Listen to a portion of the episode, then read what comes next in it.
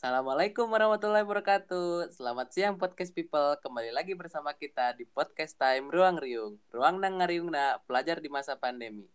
Buat podcast people di luar sana yang lagi beraktivitas, semoga dipermudah ya segala urusannya.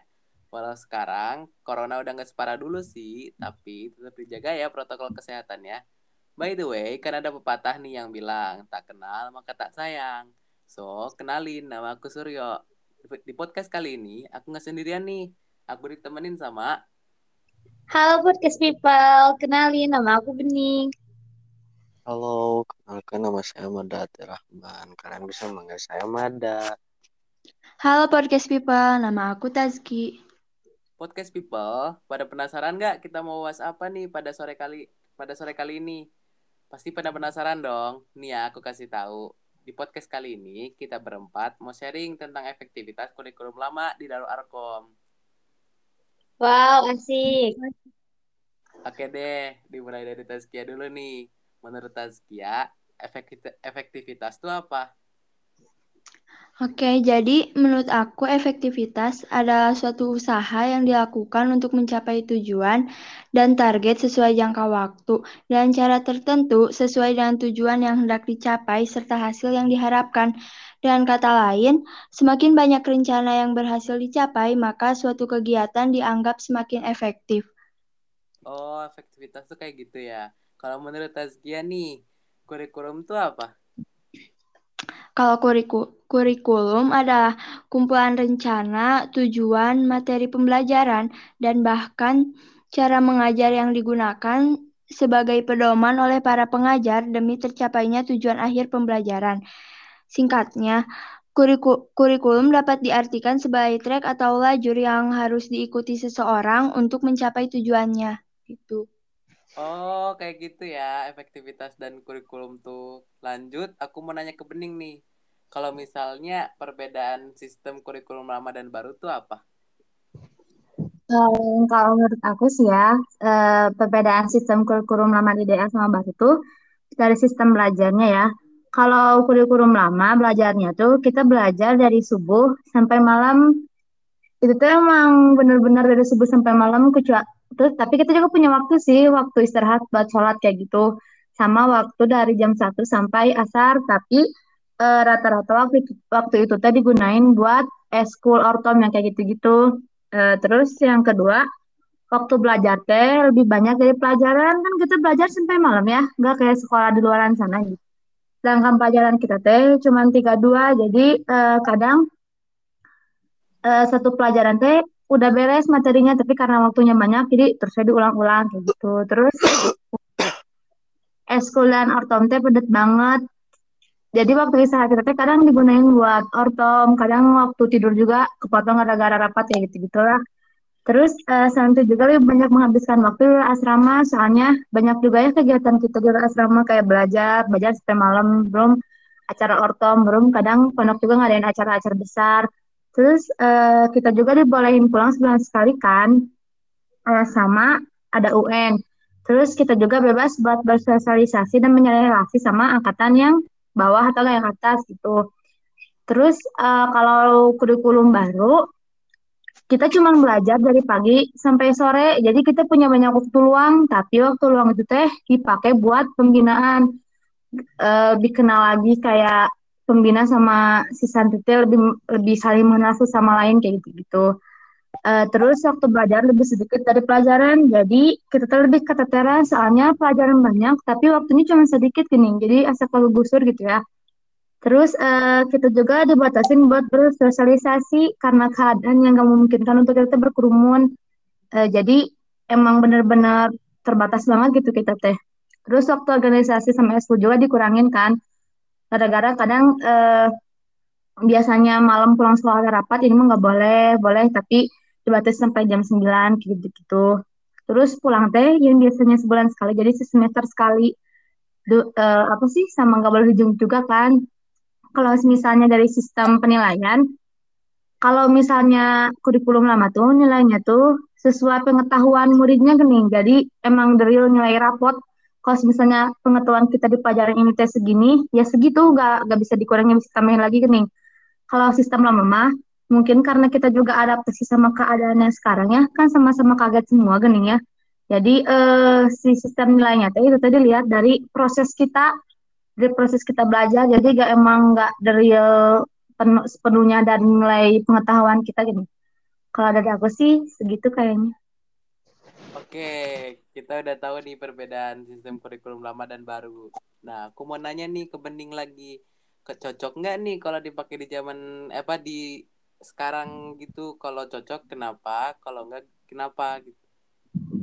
Uh, kalau menurut aku sih buat kurikulum lama kurang cocok ya kalau dipakai di zaman sekarang yang pandemi gitu ya. Kita kan emang bener-bener dilarang buat kerumunan, terus kita juga harus social distancing, jaga jarak, anu lah, anu lah gitu. Sedangkan kurikulum lama kan emang benar-benar menuntut kita untuk harus bersosialisasi sama banyak orang, kumpul di aula ada acara besar, terus uh, kegiatan ortom di sana sini gitu kan. Sedangkan sekarang kan nggak memungkinkan banget gitu ya. Uh, terus karena kurikulum lama magening kita belajar teh dari pagi eh, dari, eh apa sih dari subuh sampai malam belum ada acara ortom, belum eskul jadi kadang kita tuh kewalahan nih. Kita lupa makan, pola tidur gak keatur, pola makan apa lagi, pola hidup udah berantakan. Jadi kita juga kadang sering sakit gini ya. Kalau buat sekarang di masa pandemi sih, kita kan harus bisa pinter-pinter ngejaga kesehatan ya. Karena itu penting banget gini.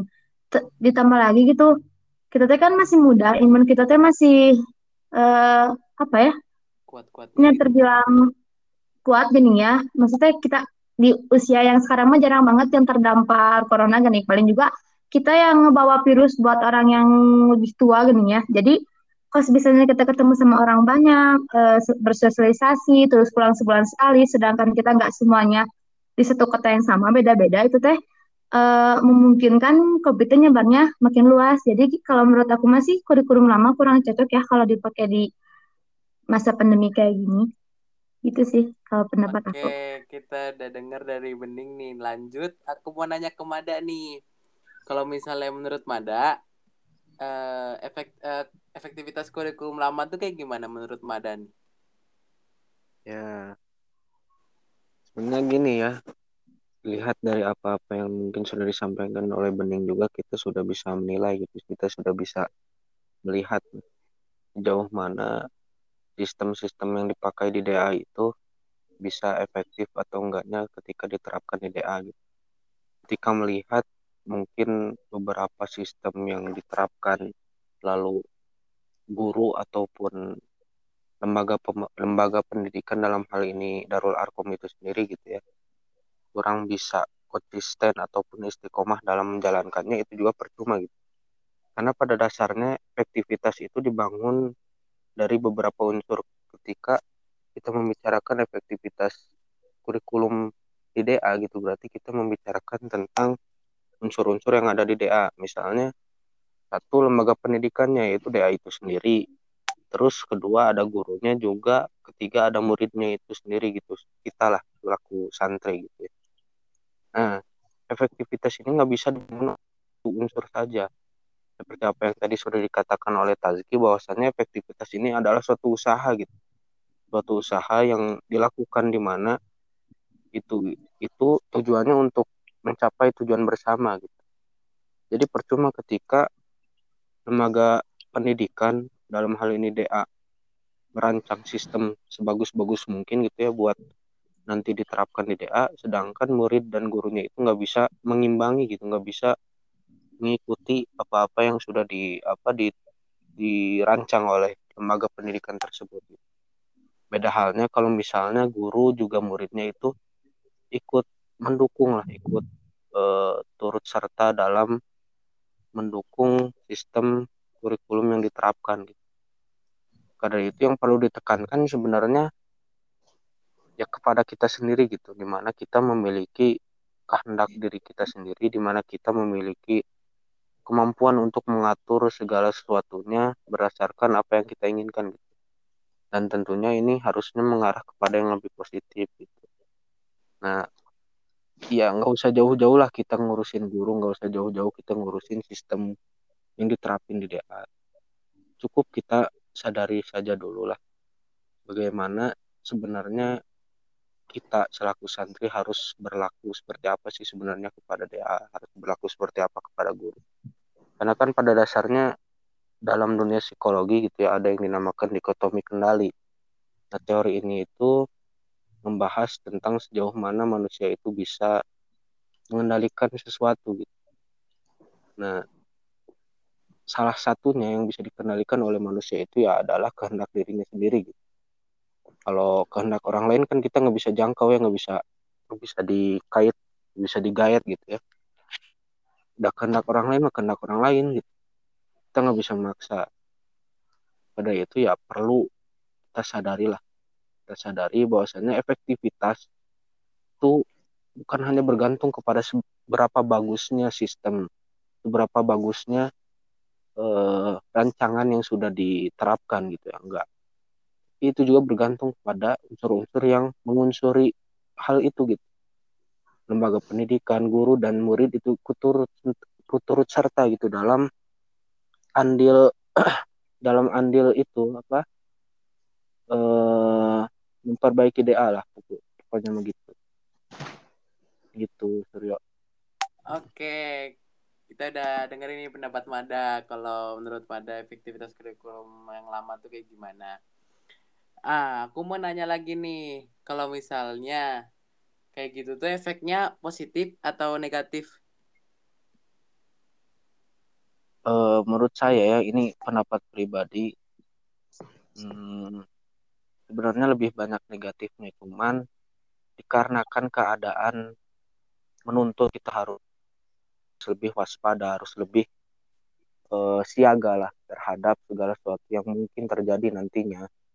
Ya kita harus uh, mau nggak mau gitu mau nggak mau harus mengikuti protokol kesehatan mau nggak mau harus mengikuti apa-apa yang mungkin sudah di lah sudah diperintahkan oleh pemerintah itu sendiri mengenai kesehatan kita dalam melawan COVID gitu ya. Apalagi kan sebenarnya eh, COVID ini kan sekarang udah ada varian baru gitu ya. Udah ada apa namanya? Ya pokoknya udah mulai beradaptasi dengan lingkungan, mulai apa? Mulai eh, apa namanya itu? revolusi lah mulai berevolusi ketika sudah apa beradaptasi dengan tubuh kita lalu virus-virus itu pada akhirnya kan akhirnya lebih kuat gitu lebih mengenal diri kita dan akhirnya menemukan cara supaya bisa membobol benteng pertahanan kita gitu. Cuman sebenarnya yang apa ya kan dalam kaidah fikih pun disebutkan gitu ya ketika kita menginginkan suatu kebaikan tapi di dalamnya ketika kita melakukan itu walaupun ada kebaikan ada sekecil apa pun itu yang berbau kemadorotan gitu ya. Lebih baik ditunda saja dulu. Kan ini yang menjadi apa ya menjadi referensi ya. Referensi. Jadi acuan dari pondok itu sendiri ketika kemarin sempat kan kita itu belajar daring gitu selama satu tahun lebih lah. Tahun kurang lebih. Nah itu kan timbangan yang cukup lama juga lah bagi pondok setelah mungkin mereka mengeluarkan kebijakan untuk meliburkan kita selama dua minggu dan pada akhirnya sampai satu tahun kan itu sebenarnya cukup lama juga ya cukup lama banget malah. Itu sebagai upaya sebagai upaya dari pondok dalam mengatasi uh, pandemi ini gitu. Ya seperti apa yang saya, saya katakan tadi gitu ya sebenarnya lebih banyak negatifnya ketika mungkin kebijakan-kebijakan yang oleh DA itu keluarkan gitu ya. Yang pada akhirnya pembina juga santri nggak bisa mengimbangi gitu ya. Apalagi kan kalau di Aliyah Putra itu kan sudah gimana ya terhadap peraturan-peraturan yang dikeluarkan oleh Darul Arkom itu sudah acuh gitu ya, sudah rada longgar gitu. Apalagi dengan adanya pembinaan, kadang kan pembina-pembina aliyah pun orangnya lebih nyalse gitu dibandingkan pembina-pembina dari sanawiyah gitu yang pada akhirnya waktu-waktu subuh, waktu-waktu malam itu dipakai buat hal-hal yang sebenarnya kurang manfaat juga gitu seperti tidur dan sebagainya dan kalau misal dibandingkan sama yang dulu gitu ya kan malamnya capek iya capek. Tapi kepakainya apa? Kepakainya rapat dan sebagainya. Kalau sekarang subuh dipakainya tidur. Malam sama tidur kan gitu. Jadi lebih banyak negatifnya gitu. Cuman karena eh, keadaan memaksa kita buat apa waspada dan siaga terhadap segala sesuatu yang mungkin bisa menyerang kita lah pada akhirnya pondok kan mengeluarkan upaya mensiasati segala halnya dengan seperti itu itu Suryo Oke, kita udah dengar dari Mada nih efeknya bakal kayak gimana. Sekarang lanjut aku mau nanya nih ke kalian bertiga. Kalau misalnya nih kurikulum kayak apa sih yang cocok banget di zaman corona kayak gini?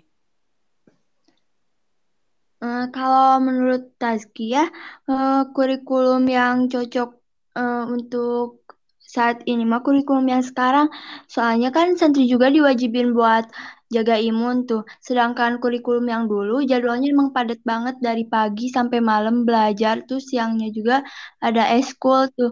Jadi itu teh buat imun kita teh jadi turun gitu.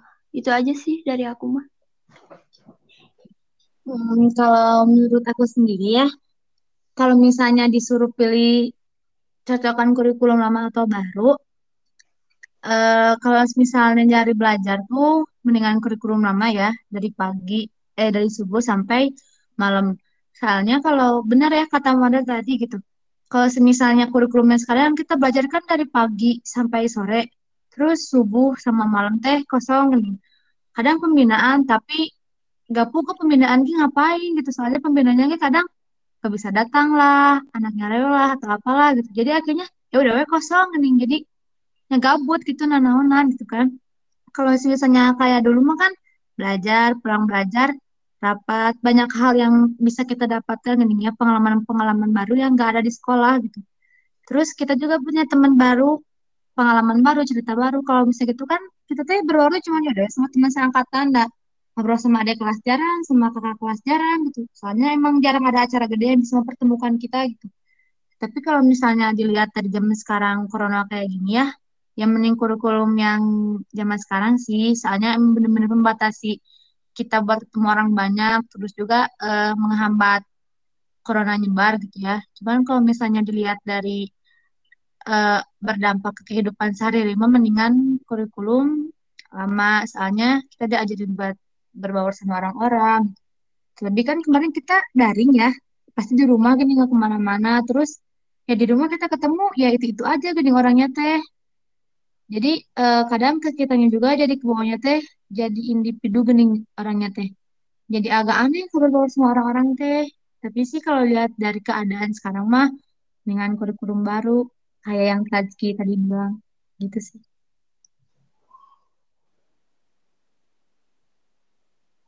Kalau menurut Mada gimana? oh iya eh, kurang lebih sama lah cuman apa ya sebenarnya kan eh, kita bisa lihat lah dari pengertian kurikulum itu sendiri gitu ya di mana kurikulum ini kan bertujuan untuk menunjang pendidikan siswa-siswa di Nusantara gitu khususnya kan kalau dalam hal ini lebih kecilnya di DA gitu ya kalau melihat atau mengacu dari pengertiannya. Ya pasti saya lebih memilih untuk menggunakan kurikulum di mana memang di situ intens gitu ya secara intens kita belajar dari subuh sampai malam gitu ya sampai malam sampai memang sampai benar-benar diajar terus. Kan di situ juga kan materi-materi pada akhirnya bisa kekejar gitu. Melihat pengalaman di semester kemarin kan ada beberapa materi yang tidak terkejar misal kayak fisika. Fisika itu gurunya kan uh, rada nyalse gitu ya. Rada nyalse sehingga pada akhirnya materi nggak nggak nggak kekejar. Paham pun sebenarnya masih belum terlalu paham karena yang dibahasnya itu tidak sesuai standar di luar sana gitu. Masih masih ecek-ecek lah bisa dikatakan gitu. Masih dasarnya saja gitu beda halnya kalau misal menggunakan kurikulum lama di mana kurikulum lama itu kan lebih banyak waktunya lebih banyak jam belajarnya gitu ya sehingga materi-materi yang mungkin belum terkejar bisa terkejar nantinya gitu. Nah itu pendapat saya sendiri gitu ya. Cuman ya seperti apa yang saya katakan tadi gitu ya. Uh, ini akan lebih efektif ketika memang kurikulum itu disesuaikan dengan keadaan, di mana keadaannya memaksa buat kita untuk selalu waspada, selalu siaga terhadap COVID-19 ini. Jadi ya mau nggak mau kita pun harus uh, menyesuaikan, harus mulai beradaptasi dengan keadaan, harus mulai menyesuaikan dengan lingkungan gitu ya. Di mana kita tahu bahwasannya kan uh, udah mau waktu belajarnya dikit, terus waktu luangnya banyak, ya kenapa nggak kita pakai buat belajar lagi gitu. Walaupun sebenarnya saya rasa sulit ya, karena saya pun merasakan bagaimana sulitnya kita belajar sendiri, nggak ada teman gitu, karena yang lainnya juga sama gitu hari-hari gitu. Ya gimana lah caranya gitu, buat forum diskusi, buat forum belajar gitu ya. Misal ada yang pinter eh, di kelas A misalnya, jadiin orang itu teh sebagai mentor buat kalian nanti belajar. Misal ada yang jago fisika jadikan mentor fisika. Ada yang jago matematika jadikan mentor matematika. Ada yang jago kimia jadikan mentor kimia gitu ya. Jadi selama waktu luang itu gak kebuang sia-sia gitu. Ya, sebenarnya ini segimana baiknya kita lah bisa mengolah waktu sebagaimana baiknya kita bisa memanage waktu supaya bisa terus bermanfaat gitu ya. Nggak nggak ada waktu yang terbuang sia-sia ya kembali lagi pada akhirnya mah bagaimana kita bisa menyikapi keadaan ini itu Suryo Wah, gak kerasa banget ya podcast people. Waktu sharing-sharing kita udah mau berakhir aja nih. Makasih ya buat podcast people yang udah mau setia dengerin podcast kita sampai detik ini. Cukup sekian dari kami. Nun walkolami turun. Ruang nangariungna pelajar di masa pandemi. Assalamualaikum warahmatullahi wabarakatuh.